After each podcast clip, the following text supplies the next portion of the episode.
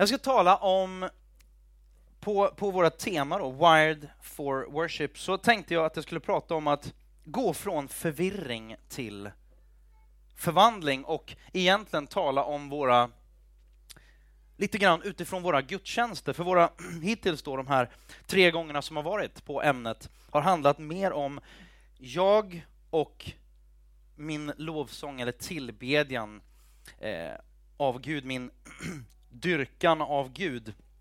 Och nu ska vi titta lite grann på liksom våra gudstjänster. Vi ska börja med det, så kommer vi tala om det nästa gång också. Eh, och vi tänker så här, The United så firar vi.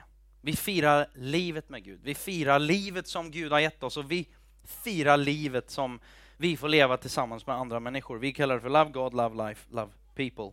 Eh, och vi firar inte bara gudstjänst här och nu, eller när vi har Connect mitt i veckan, eh, små grupperingar där vi ses liksom i hemmet, lite enklare och bara ses i vardagen och blir inte en annan setting så. Men vi firar inte bara de tillfällena.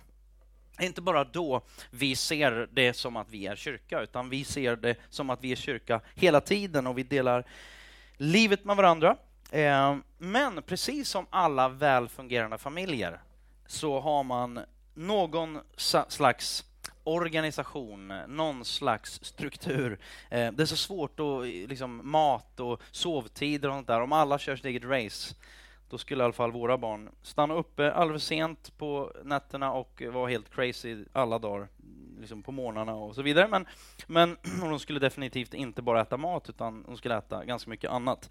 Ehm, och vi har, i United har vi ganska enkel struktur och format. Vi kallar det, i och med att vi finns på, på flera, i flera kontinenter och det är growing, det finns bara. Det finns 15 stycken kyrkor hittills då, eh, på sju olika platser. Eh, men vi, kör, vi har liksom gemensamt språk, det engelska, och därför kallar vi det för de olika beståndsdelarna av United lokalt och strukturmässigt är Connect, vi har Church och vi har City. Connect, den minsta delen då, typ 10 personer, kan vara 5 eller 7 eller 12, men liksom någonstans där.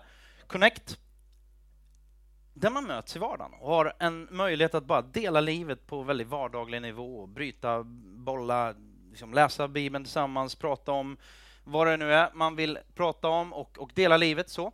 Eh, och så tänker vi att ungefär då 10 eller 7 eller 11 connects, 10 connects möts tillsammans en gång i veckan. Det blir ett större forum, man har plats för eh, undervisning, det blir lite mer så här som idag, envägskommunikation på det sättet med mingel innan och så trevlig barbecue efteråt i Vasaparken, till exempel idag.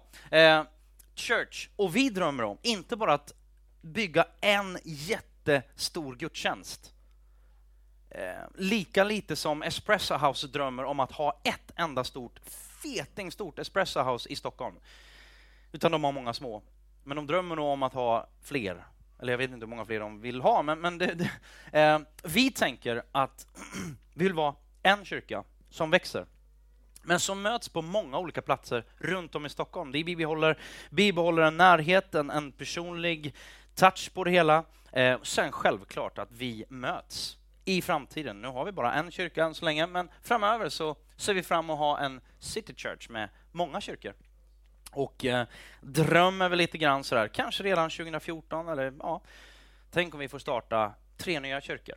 En i Södermalm, en på Stureplan, en internationell och så vidare och så vidare. Södertälje, Sollentuna, Solna, Sumpan, vad finns det mer? Det finns eh, ja, massa på S. Ja.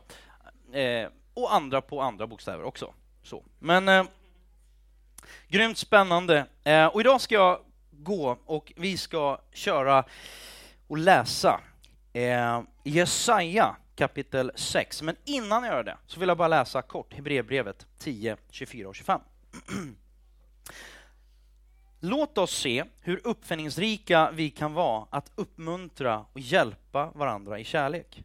Låt oss inte undvika vår offentliga, våra offentliga sammankomster som en del gör, men istället sporra varandra, särskilt som vi ser den stora dagen närmar sig. Var, var, varför har vi sammankomster? Varför har vi connects? Varför har vi gudstjänster? Eh, det är väl egentligen det som den här predikan kommer handla om. Eh, och jag tänker att i allt vi gör så söker vi eh, ta världens kaos och försöka se och få folk och oss själva att vi kommer närmare Guds sanning som är allt annat än kaos, utan någonting som är fantastiskt. Och min enkla titel är Från förvirring till förvandling. Jesaja kapitel 6, vers 1-9. Är ni med? Om det är någon som somnar så har ni tillåtelse att släppa så här, eh, varandra.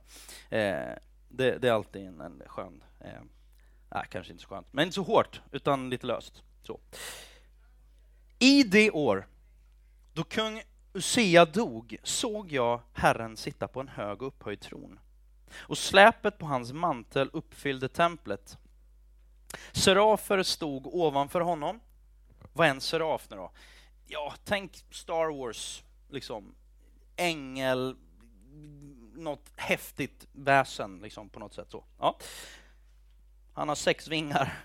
Eh, med två täckte de sina ansikten, med två täckte de sina fötter och med två flög de. Den ena ropade till den andra, helig, helig, helig är Herren Sebot. Hela jorden är full av hans härlighet. Alltså, så här, conclusion av det härliga stycket, Gud är überstor och eh, de kan inte göra något annat, de här Star Wars-änglarna, kan inte göra någonting annat än att bara, Gud är jättestor och tillskriva honom ära, alltså dyrkan, worship. Rösten från den som ropade fick dörrpostarna och trösklarna att skaka och huset blev uppfyllt av rök. Då sa jag, alltså Jesaja, ve mig, jag förgås eller jag dör. För jag är en man med orena läppar och jag bor ibland ett folk med orena läppar och mina ögon har sett konungen, Herren Sebaot. Då flög en av seraferna fram till mig, hans hand var, var ett glödande kol som han med en tång hade tagit från altaret. Med det rörde han vid min mun och sa, nu, eh, när nu detta har rört vid dina läppar har din missgärning tagits ifrån dig och din synd är försonad. Och jag hörde Herrens röst. Han sa, vem ska jag sända och vem vill vara vår budbärare? Då sa jag, här är jag, sänd mig. Han sa, gå och säg till detta folk. Punkt, punkt, punkt. Så vi möter Jesaja i templet. Gamla testamentet, alltså den gamla, liksom innan Jesu födelse. Och vi ska inte gå in för mycket på det, men, men det här var ungefär ungefär 2800 år sedan, eh, så var det liksom, man gick till templet och det var där som Gud fanns, eller Gud manifesterade sig. Och han kommer in, vi möter honom här, han är förvirrad och förtvivlad. Han undrar liksom, vad är det som kommer att hända nu? Jag vet inte, när var du förvirrad och förtvivlad senast? Kanske ett år sedan, kanske ett halvår sedan, kanske förra veckan, kanske igår, kanske du just nu sitter och känner bara, jag är, jag är förvirrad, jag, jag, jag är förtvivlad. Igår kände jag mig, eller i, i, i, i fredags kände jag mig förvirrad, men på gränsen till, när man efter ett tag inte hittar Ville, då är man på gränsen till förtvivlad. Kanske inte kom riktigt dit, men, men men eh, som tur var. Eh, och man kan väl säga så här att det här är en av de en av nyckelanledningarna till varför vi överhuvudtaget startar United i Stockholm. Vi drömmer om att ta överhuvudtaget hjälpa folk. Och jag ska belysa det, för att liksom, vad menar jag med det här? Vi kommer till det, men ta för, förvirrade människor, kanske till och med förtvivlade människor, som vi får se bli förvandlade och förundrade. Och förhoppningsvis komma fram till någonting där det händer någonting, där man utbrister, här är jag, sänd mig, Gud räkna med mig, jag är på. Kom igen! Och Gud vill använda dig och mig. Det handlar om att gå från att vara egocentrisk, allt handlar om jag, mig och mitt, till att bli teocentrisk, alltså det handlar lite mer om Gud, det är någonting större. Så vi ska titta utifrån texten här nu, utifrån Jesaja kapitel 6 ehm, så står det i första versen, börjar man säga så här. I det år då kung Usia dog. Varför är det viktigt? Det kanske inte alls är viktigt. Är det bara, ja men det är normalt att tänka så här, ja men det är, en, det är lätt att datera, för man visste ju när kung Usia, när han dog. Det vet man rent historiskt. Bra, då kan vi datera det här. Och det är säkert en, en, en bra anledning så, men jag tror att det finns mer till just varför det står att Usia dog. Om man tittar lite på, på det historiska så har vi Jesaja då, som har skrivit den här boken. Han är en av de stora profeterna i det gamla testamentet och ganska populär idag i kyrkor. Sådär, citera olika eh, ja, saker som han har sagt. Det var, han sa mycket bra helt enkelt. Och eh, man kan veta om att han var vid det här tillfället, han var ung. Han var ung kille och eh, han var förnäm släkt. Han hängde vid hovet. Hans pappa var polare med kungen. Hans pappa var Amos, som också man kan läsa om. Ehm, och var släkt med kungahuset. Så de var polare med och släkt med och hängde i hovet. Ehm, och den här Usia då, han kom att bli den största bästa kungen i Judarike som var en del södra riket av, av Israel. Så, eh, han blev kung redan vid 16 års ålder. Han regerade i 52 år var han kung. Det är lite längre än Olof Palme, Tage Erlander, Fredrik Reinfeldt. Det är inte riktigt liksom... De lyckades, eller han lyckades, väldigt bra. Väldigt bra. Eh, Judarike tar och har enorm framgång under hans ledarskap. Och man kan tänka sig att ja, men om han var diktator eller tyrann, han var inte det. Han var en, på det sättet var han en väldigt god kung. Han etablerade hela världs, välfärdsprogrammet och det kära svenska folkhemmet. Nej, inte riktigt. Men, men eh, jordbruket till exempel, vi ska läsa om det här, men jordbruket blomstrade. Han skapade eh, infrastrukturer, möjliggjorde för vägar och vatten och massa sådana här saker. Eh, han byggde upp den militära makten och det var jätteviktigt. Eh, vi kommer till det, men han hade över 300 000 soldater som var, var liksom heltidssoldater på det sättet.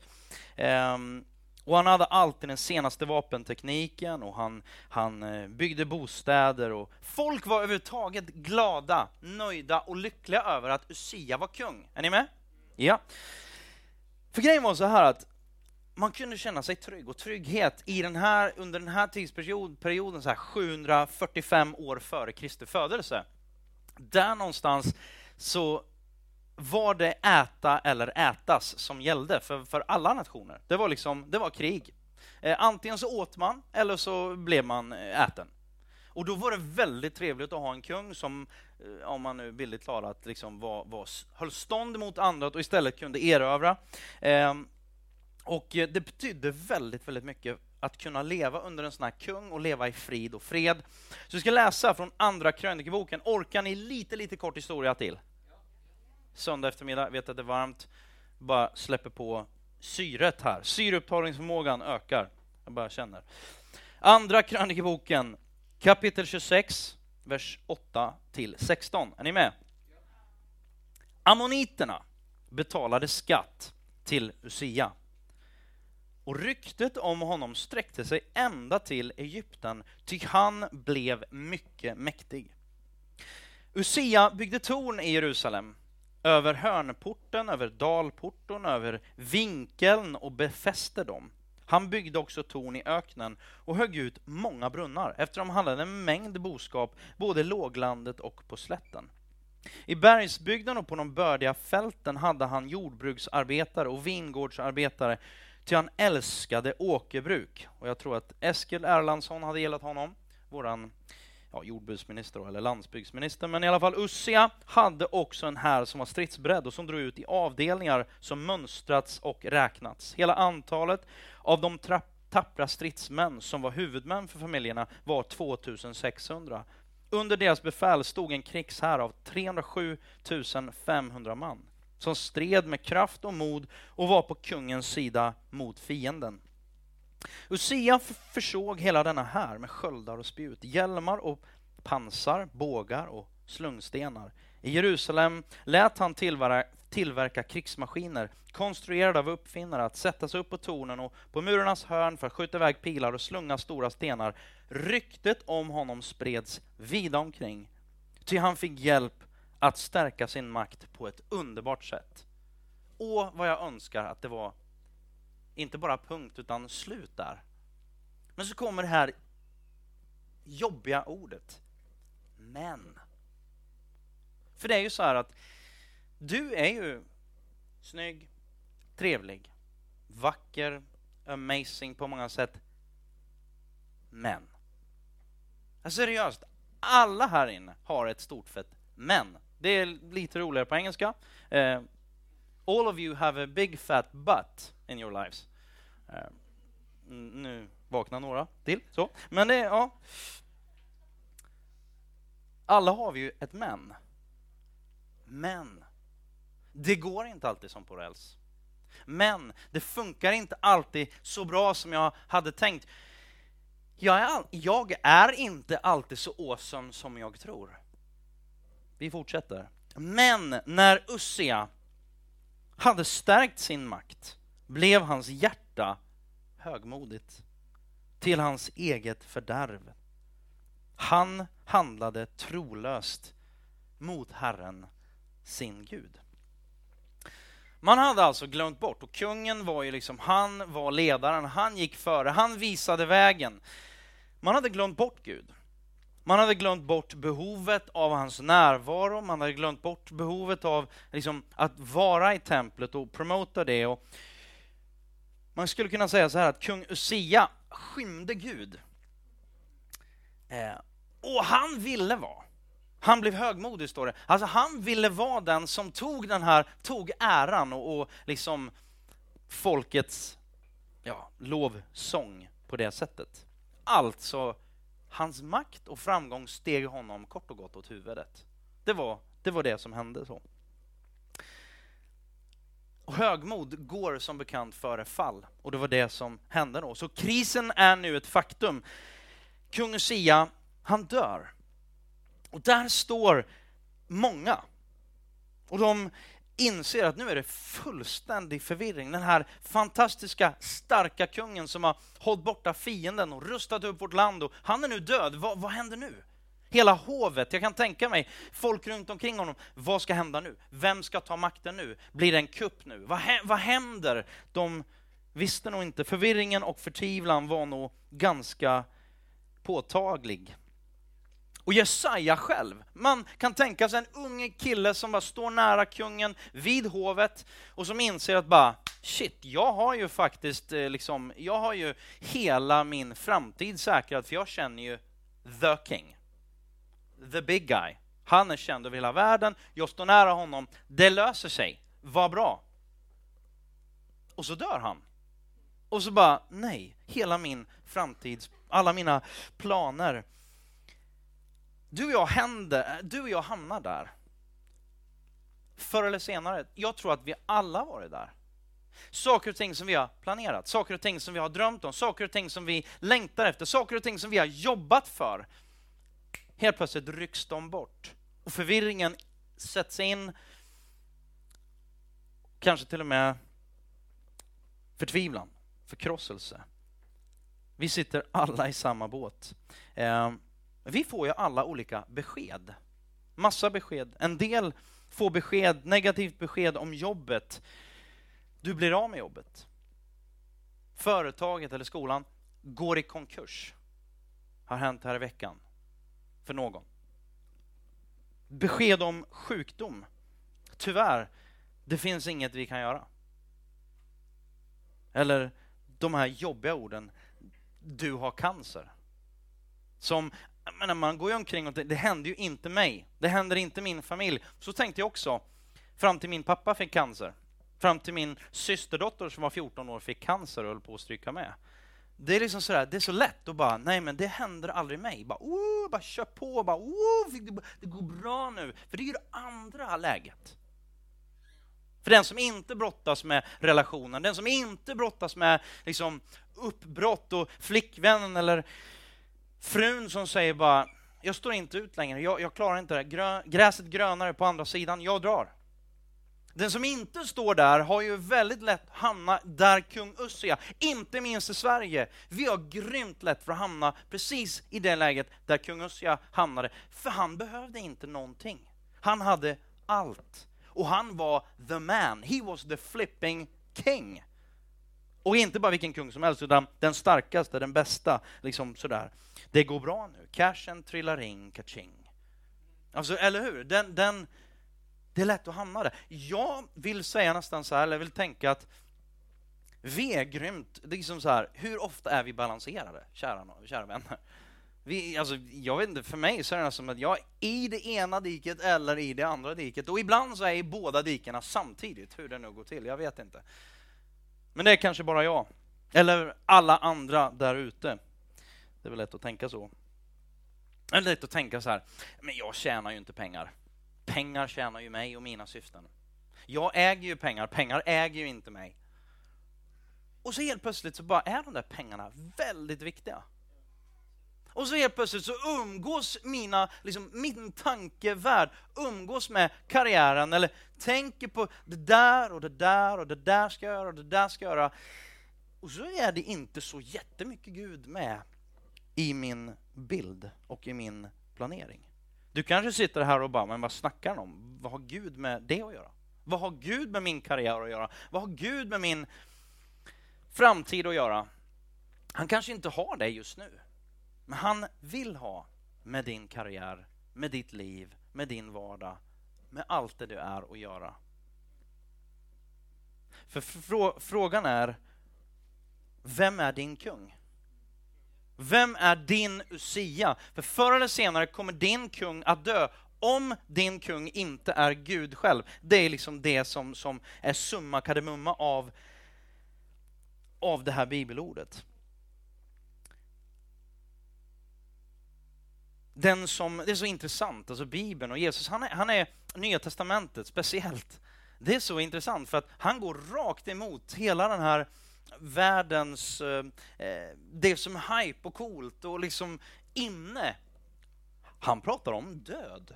Det är så här, inte speciellt uppmuntrande kan man ju tycka till en början, men Jesus säger så här, den som mister sitt liv för mig, han ska finna det.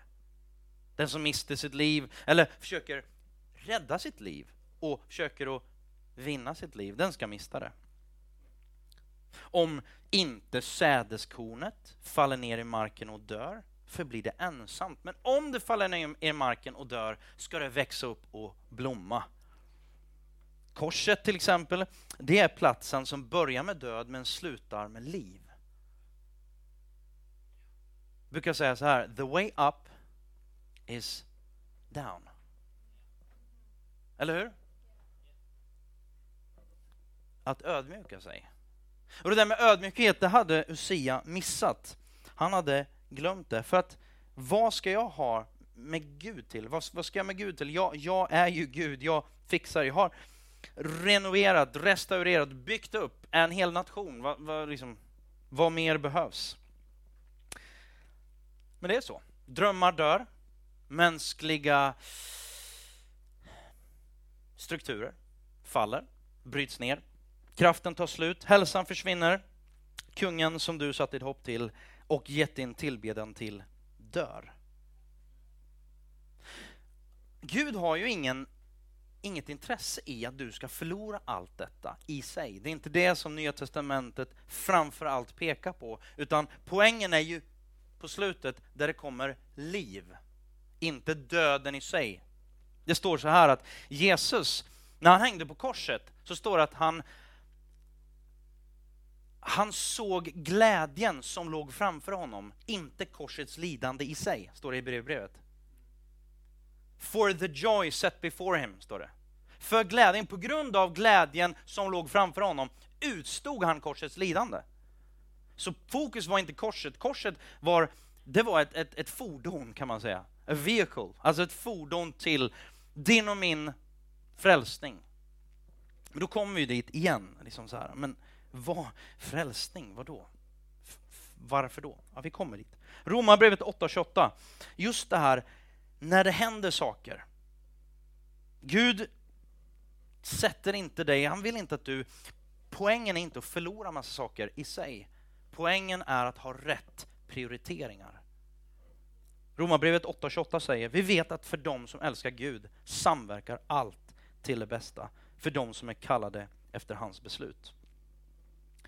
Förundran, det är det som händer sen, Jesaja 6, vers 1-4. Så jag såg Herren sitta på en hög och upphöjd tron och släpet på hans mantel uppfyllde templet. Man kan säga så här, Gud är hyfsat stor.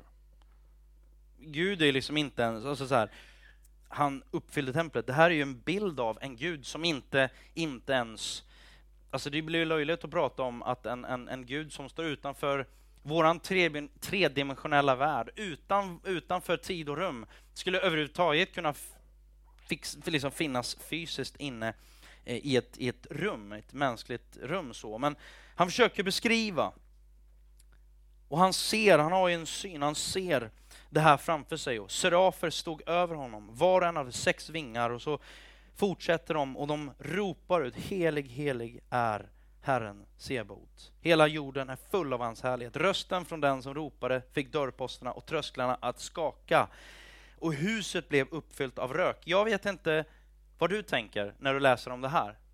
Man kanske bara hakar upp sig på vad konstigt, just var det, de hade två över ansiktena. Jag så tror så här att bara, Gud är überstor. Gud är majestätisk. Han är så stor. Och helt plötsligt tror jag att i jämförelse med den här bilden som Jesaja ser så bara Wow! Du var mycket större än vad jag överhuvudtaget kunde drömma om och fundera, mig, fundera till, liksom, fundera ut. Och då inte minst i jämförelse med den här världens och den här jordens kungar. Jag tänker så här att i våra sammankomster, våra gudstjänster, Connect, så är det viktigt att vi inte bara pratar om våra egna idéer och vi skulle kunna snickra ihop en egen liten tro, en egen liten katekes, en egen liten eh, trosbekännelse. Men någonstans så handlar det ändå om vad, vad, vad säger Gud om sig själv?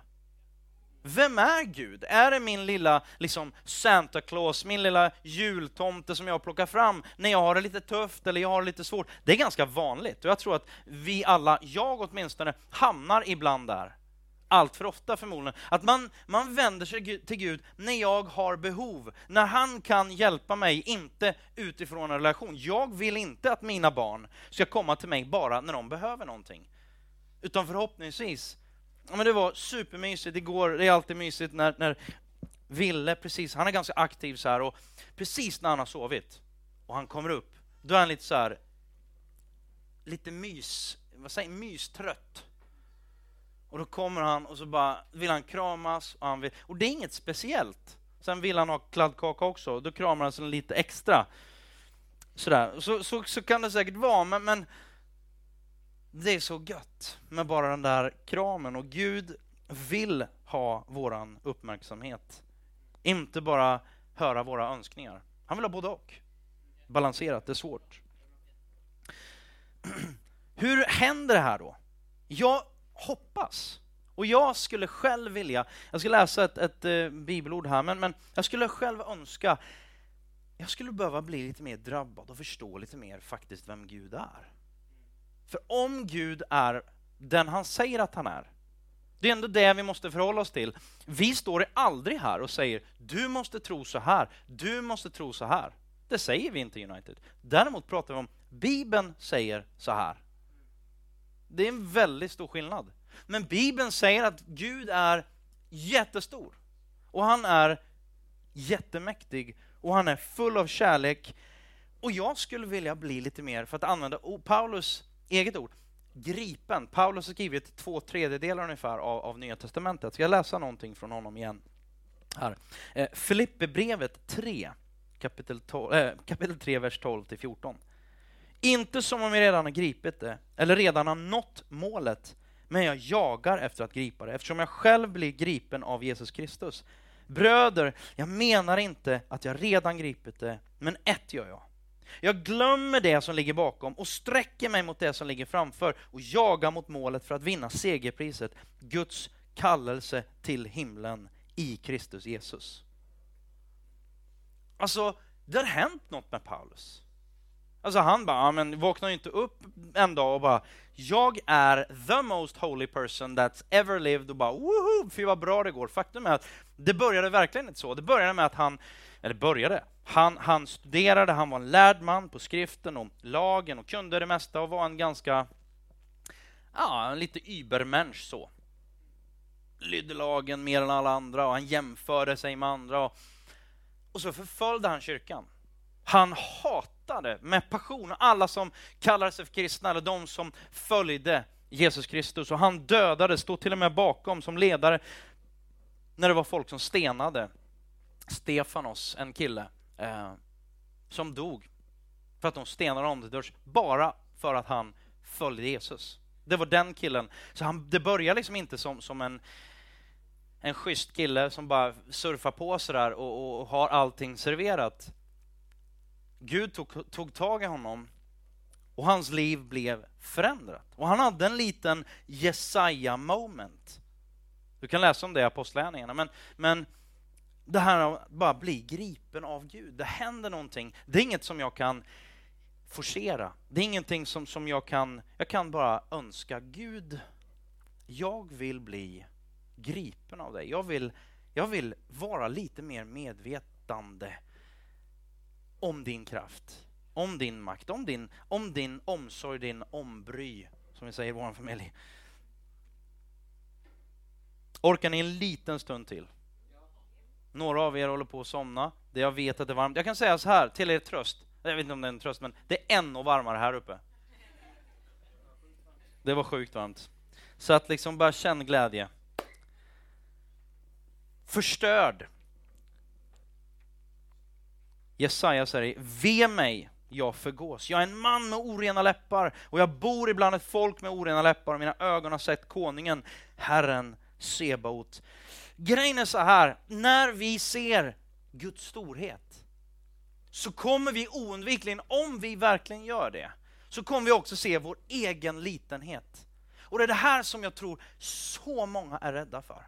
För vi lever för bara, jag, I'm the, I'm the shit. Förlåt eh, alla ni som, ja, liksom, jag är it. Det låter bättre. Jag är det där. Liksom, jag, jag, jag har en bild, jag menar den här filmen I am legend. Seriöst, de flesta här vaknar ju upp på morgonen och bara, I'm pretty legend. Liksom. Jag vet inte om man alltid känner så, men vi lever ju så. En del av er väldigt mycket, en del av er kanske lever crap för att använda ett annat ord. Jag är inte legend. Jag är loser. Vi pendlar ibland, återigen, båda samtidigt. Jag vet inte hur det är möjligt. Legend och loser samtidigt. Är det någon som har känt så? Ja, två. Skönt. Alltså mötet med Guds storhet påvisar din och min litenhet på ett väldigt sunt sätt.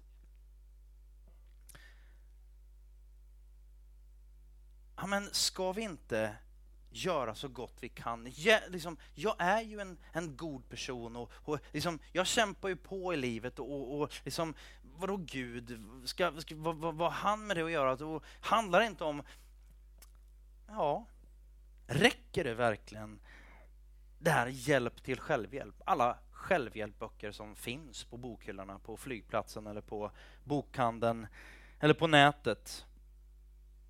Självklart är det inte så att vi ska göra the worst we can. Eller liksom bara slänga oss i andra diket och, och bara vi är värdelösa och dåliga. Men ungefär, återigen, jag, jag tar ofta den bilden. Barn och föräldrar. Bara för att, barn, för att ett barn inte kan gå från början så är inte barnet värdelöst. Bara för att Ville inte passar bakom ratten själv i våran bil så är inte han värdelös eller crap. Men det är väldigt, väldigt dåligt om man hamnar där. Är ni med? Det är en extrem... Eh, eh, liksom, sen, precis som de flesta barn, så även liksom de snällaste barn, så gör man hyss.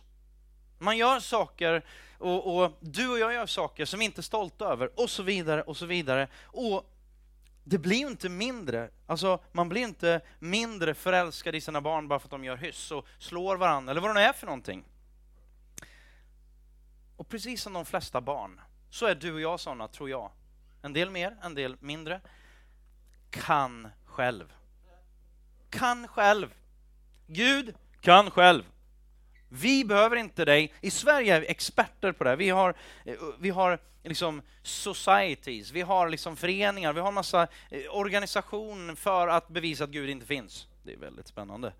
Ehm, det är helt okej okay att tänka och tro naturligtvis precis som man vill. Här så lyfter vi fram vad Bibeln säger. Ehm, och jag tänker bara så här, Gud är så stor, han har skapat en värld, han älskar oss. Men precis som ett barn, precis som Ville inte passar bakom ratten på våran bil, så passar vi inte till att göra vissa saker. Det är inte rätt. Det är inte rätt timing. det är inte rätt för oss. Vi mår inte bra, vi kommer skada oss själva, andra och en massa saker. Och så kommer man i förhållande till Gud då. I förhållande till Gud så kommer vi se, när vi ser Guds renhet, när vi ser hans storhet, hans ofelbarhet. Det är ju fantastiskt att vi får ha en sån kung. Inte som kung Ussia, som kommer att dö, utan en kung som faktiskt lever alltid och som aldrig sviker. Ofelbar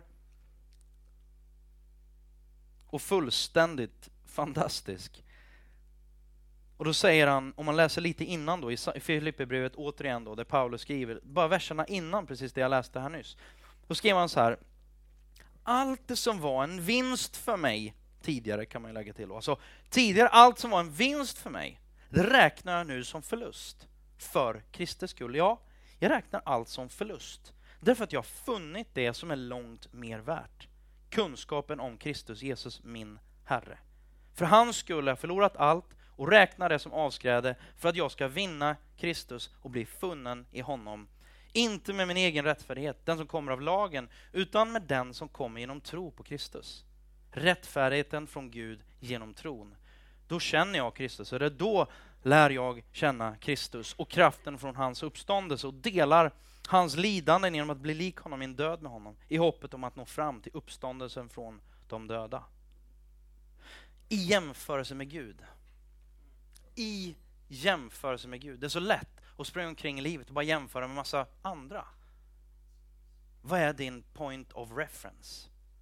Liksom, um, och då kommer vi till det här. Det här med, det är ju dåliga nyheter. Du klarar dig inte själv. Ja, men det här hjälp till självhjälp då? Ja, men de säger att jag kan bli bättre. Find yourself, liksom. Find your inner self. Become yourself. Och Bibeln säger faktiskt Get over yourself.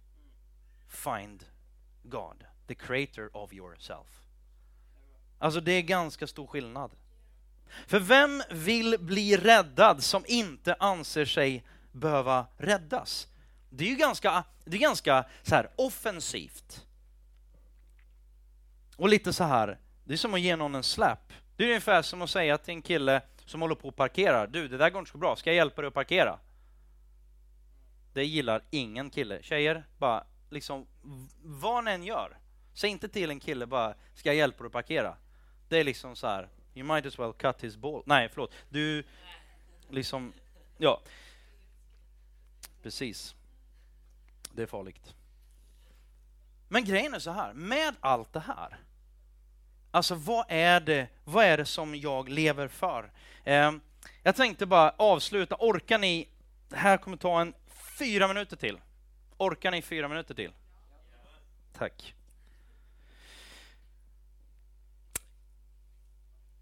Onsdag morgon den 10 april 1912. Är det någon som är påläst? Vad hände då? Över 2000 pers går denna dag ombord på ett kryssningsfartyg som låg förankrat i Southampton i södra England.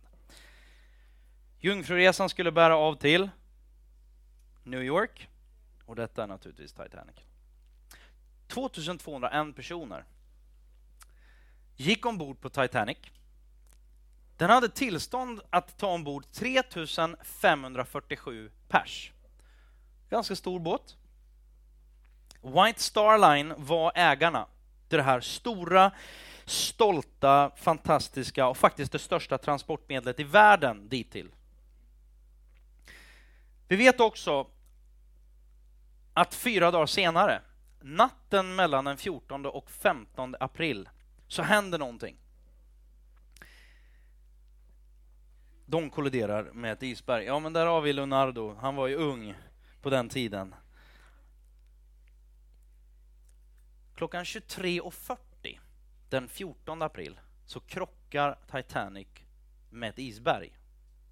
De kör i ett isberg. Grejen är så här att innan, i reklamen så gjorde White Star Line, det här är sant, eh, citat. Detta skepp är osänkbart. Inte ens Gud skulle kunna sänka detta fartyg, även om han skulle vilja. Slutcitat. Översatt till svenska då naturligtvis. Intressant. Utkiken som fanns på båten, de var inte utrustade med någon materiell mer. De hade inga, alltså inte ens glasögon. De hade ingen kikare, de hade ingenting, bara det mänskliga ögat. Det, fan, det var ju som, så gjorde man inte. Man hade kikare, så här. Pirates of Caribbean-kikare. Inga hjälpmedel. Mitt i natten. I april. Okej, okay, lycka till. Titanic Finn fick 21 varningar från andra för, äh, fartyg. Sex varningar bara den dagen. Om att inte köra den vägen, den rutten. Livbåtar. Det fanns 20 stycken livbåtar ombord på Titanic. Eh, vid full kapacitet skulle de kunna rymma 52 procent av de passagerarna som var ombord. 52 procent. Man hade alltså inte ens, liksom, det fanns inte ens en chans, även om man fyllde alla till kapacitet. Då. Man skulle alltså kunna ta 1178 personer. Fartyget var tillverkat med plats för 48 livbåtar, alltså hade man 28 stycken som man hade lämnat hemma. då. Eh, de kolliderar med ett berg 23.40.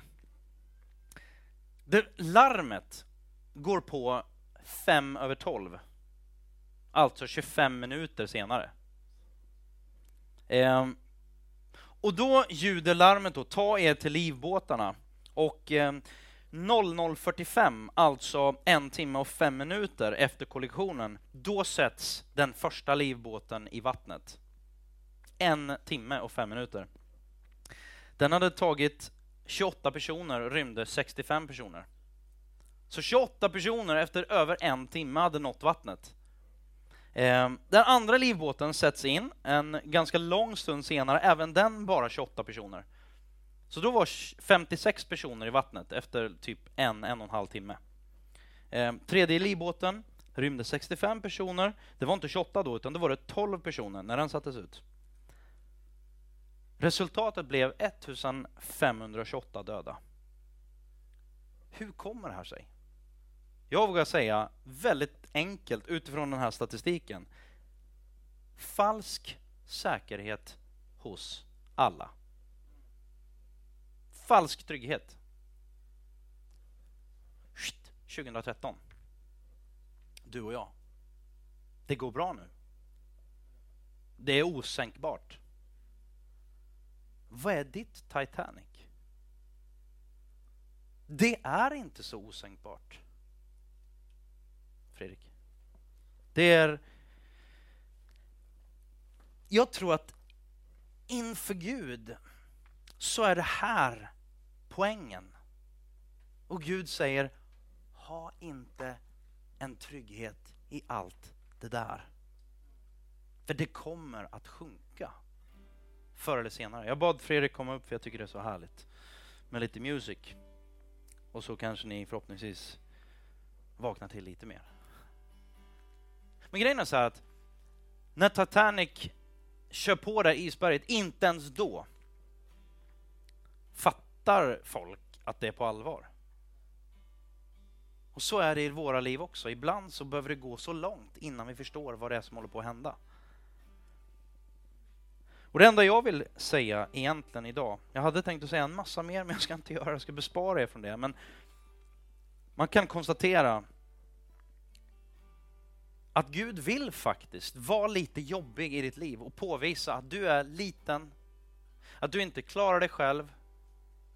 Och som lilla Ville som är tre år, han är väldigt rolig för han väljer, ibland så är han liten. Bara, Ville är liten, pappa är, pappa är jättestor. Bara, ja, det, det är bra. Och ibland så väljer han att säga, Ville är inte liten. Ville är stor. Ville klarar själv.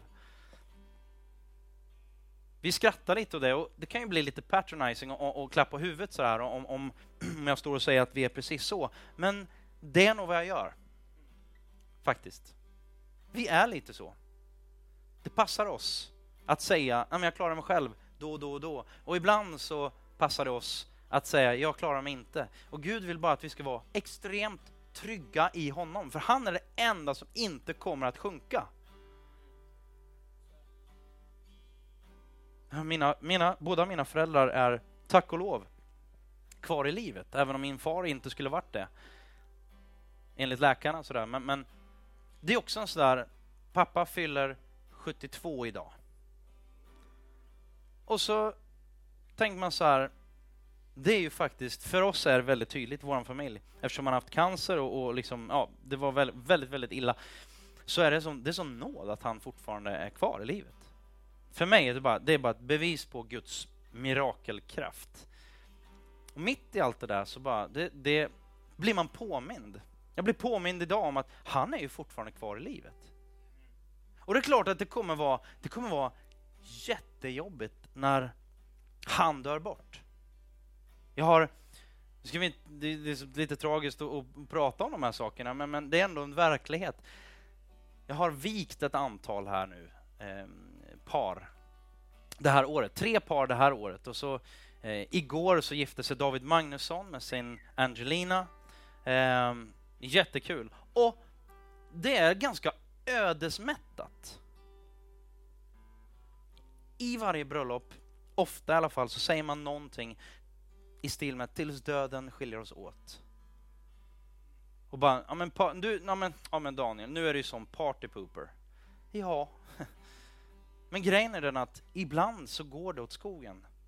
Och det enda vi vet, om Gud, Kristus Jesus inte kommer tillbaka innan det, så är det enda vi vet, det är att vi kommer dö en dag.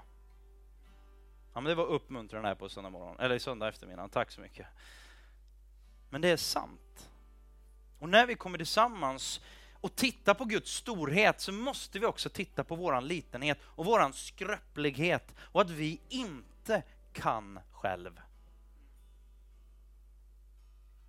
Och i avslutningen då så säger han så här, Gud säger, vem ska vi skicka? Vem, vem, ska, vem ska gå ut och berätta om det här? Vem ska, vem, ska, vem ska leva ett liv som dyrkar mig? och visa folk hur det går till. Då säger Jesaja, här är jag. Sänd mig. Någonting händer på hans insida när han ser Gud, när han märker Guds liksom kärlekens eld på något sätt. Han blir förvirrad, han är förvirrad, kommer in där, blir förundrad och så blir han rädd och sen inser han att han är förlåten och ängeln kommer där och tar bort synden från hans läppar och ja, men bilden på han blir förlåten. Och sen är då det här, här är jag, sänd mig. Vi skulle vilja, varenda gudstjänst egentligen, ge en möjlighet till att respondera. Och min fråga till dig egentligen som avslutning idag, det är vad blir ditt svar? Vad blir ditt svar på Guds fråga vem ska gå? Jag längtar efter att få ha en relation med dig. Jag längtar efter att få använda dig. Jag längtar efter... Vad är ditt svar? Är det kan själv eller här är jag, sänd mig?